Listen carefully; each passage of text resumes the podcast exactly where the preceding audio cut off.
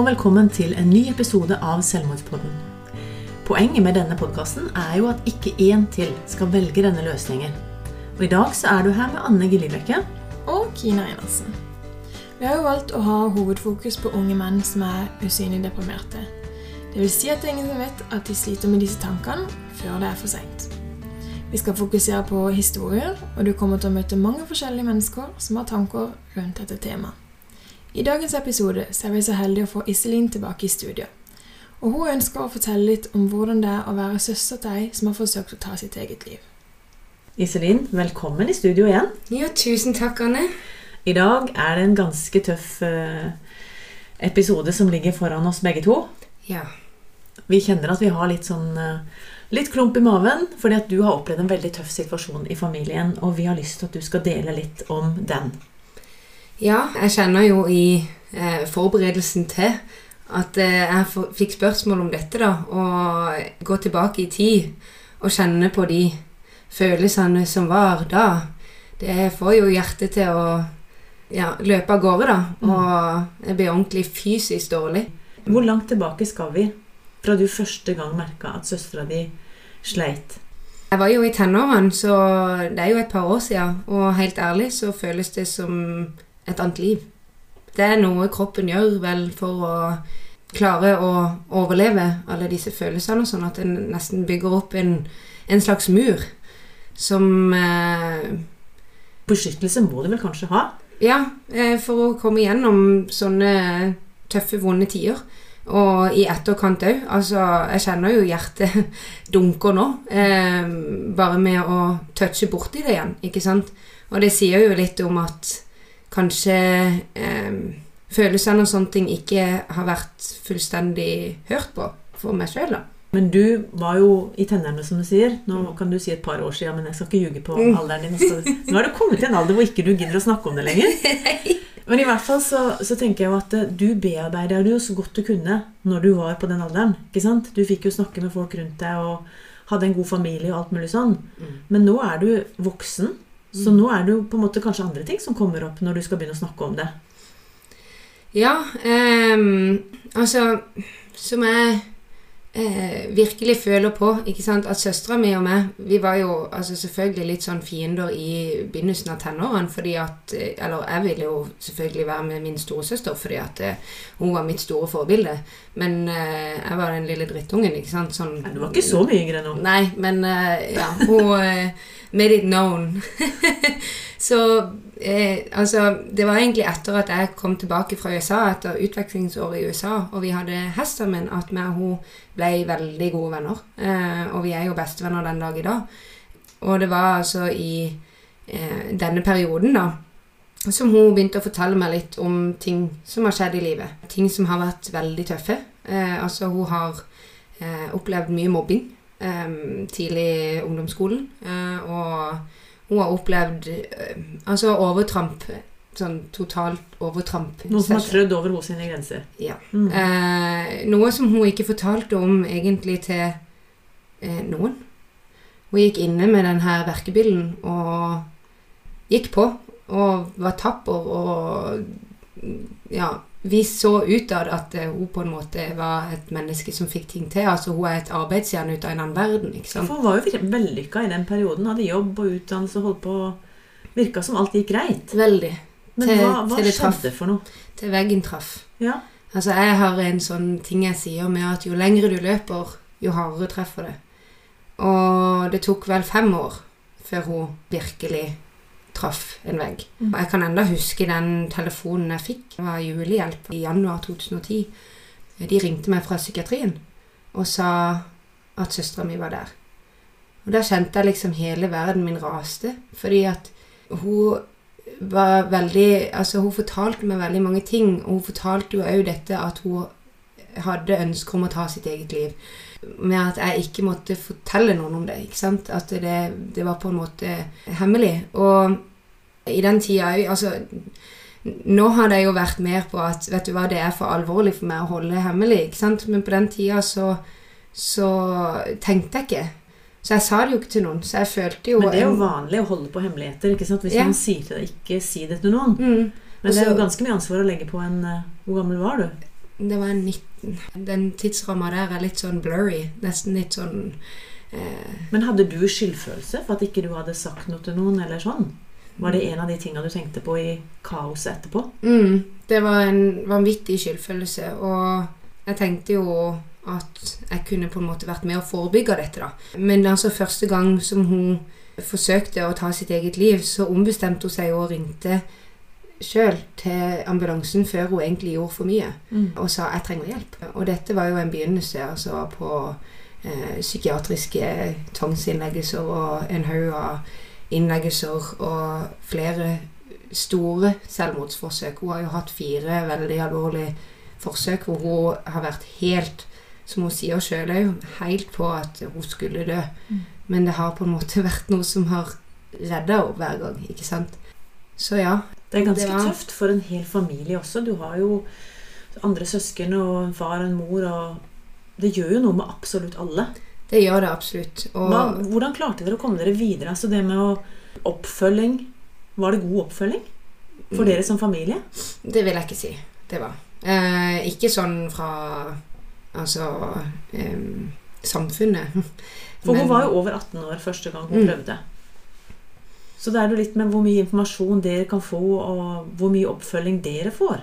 Jeg vet at mamma og pappa var vel inne til noen samtaler med de her psykologene og så videre. Eh, Men det var liksom ikke noe Altså, vi var veldig flinke til å holde sammen i familien. Og jeg hadde samtaler med en Han var jo ikke psykolog engang, men altså en som på en måte fulgte meg litt opp, husker jeg. Men eh, det var ikke Det var ikke mange, mange ganger, og det var ikke liksom Altså Det meste gjorde vi egentlig sjøl, sammen, som Mm. familie, da. Og med gode venner rundt, og forståelse fra alle kanter, ikke sant. At en prøver å stå sammen gjennom stormen, da. For det var neste spørsmål mitt. Hvem eller hva hjalp deg mest? ja. Du var lillesøster, og nå hadde søstera di plutselig Åh, Ja. Ja. det, ja, det er ganske touchy eh, samtaleemne. Det er det. vi tåler litt snørr og tårer. Ja, vi gjør det. Men eh, tilbake igjen. Hva var det egentlig som hjalp deg? da? For du er jo oppegående jente, og så til og med velger du å jobbe med dette. Eh, noe som hjalp meg òg, var jo at jeg flytta bort en periode. Dro jo til Bodø og utdanna meg som barnevernspedagog der oppe. Jeg følte liksom jeg starta litt på nytt, men den her angsten satt jo i, ikke sant? Og den der eh, konstante Du ser ambulanse med blålys, så kjenner du bare at hele hjertet, hele kroppen din bare får et anfall, sant? Du får eh, angst av å høre telefonen ringe, ikke sant? Som tok lang tid før en på en måte kommer over. Eh, og det sitter jo i enda, selv om ting er helt annerledes nå.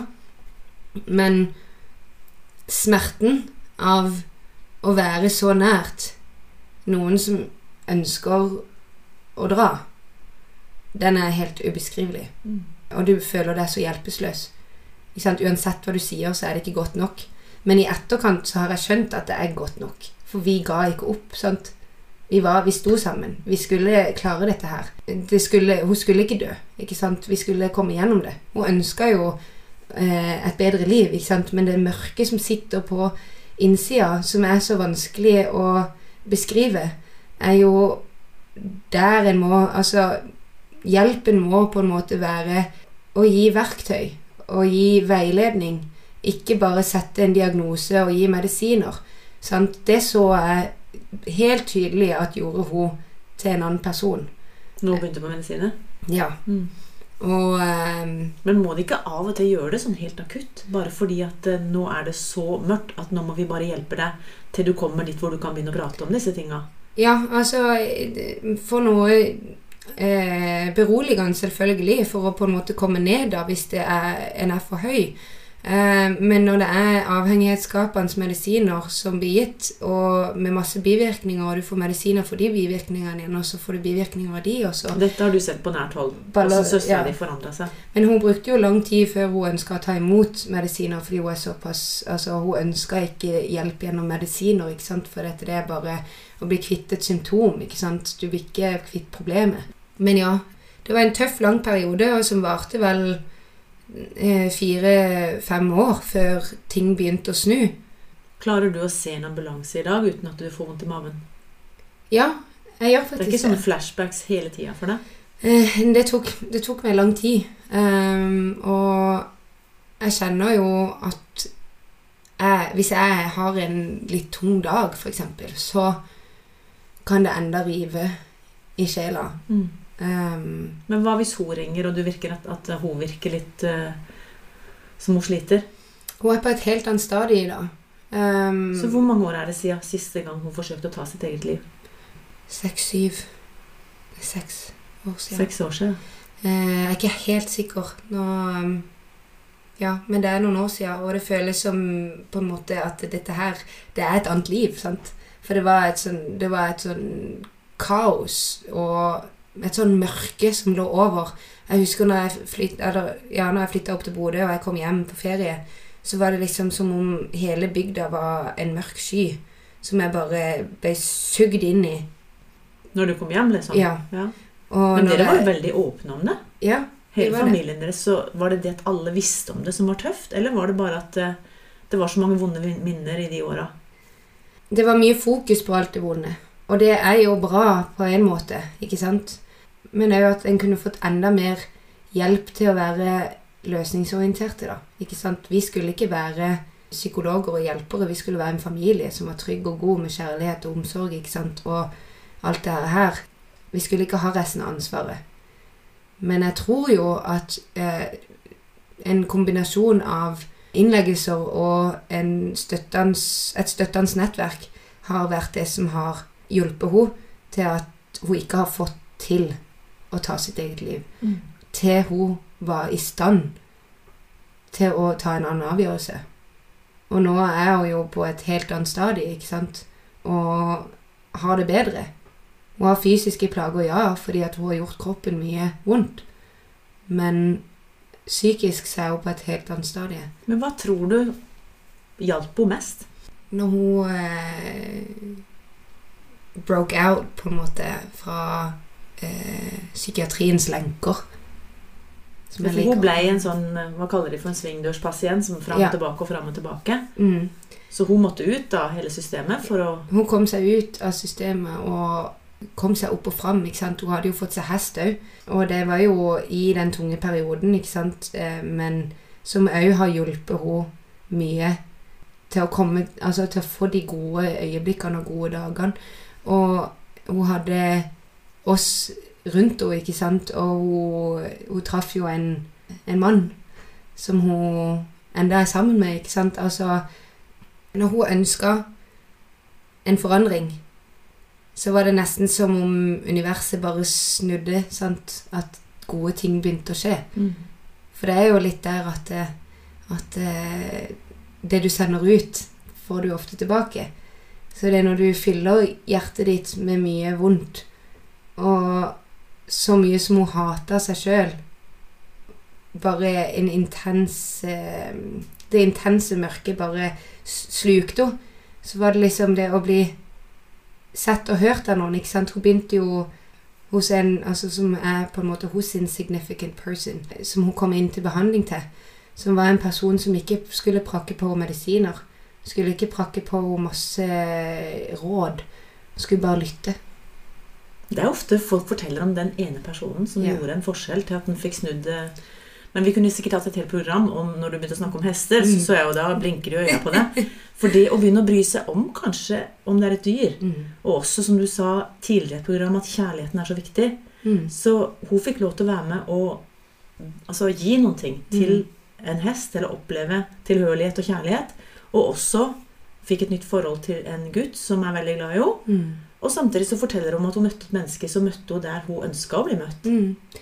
For det er jo Det er jo den røde tråden egentlig i um, altså depresjon, psykisk sykdom. Ikke sant? At vi Altså alle mennesker trenger en plass å høre til og føle mestring.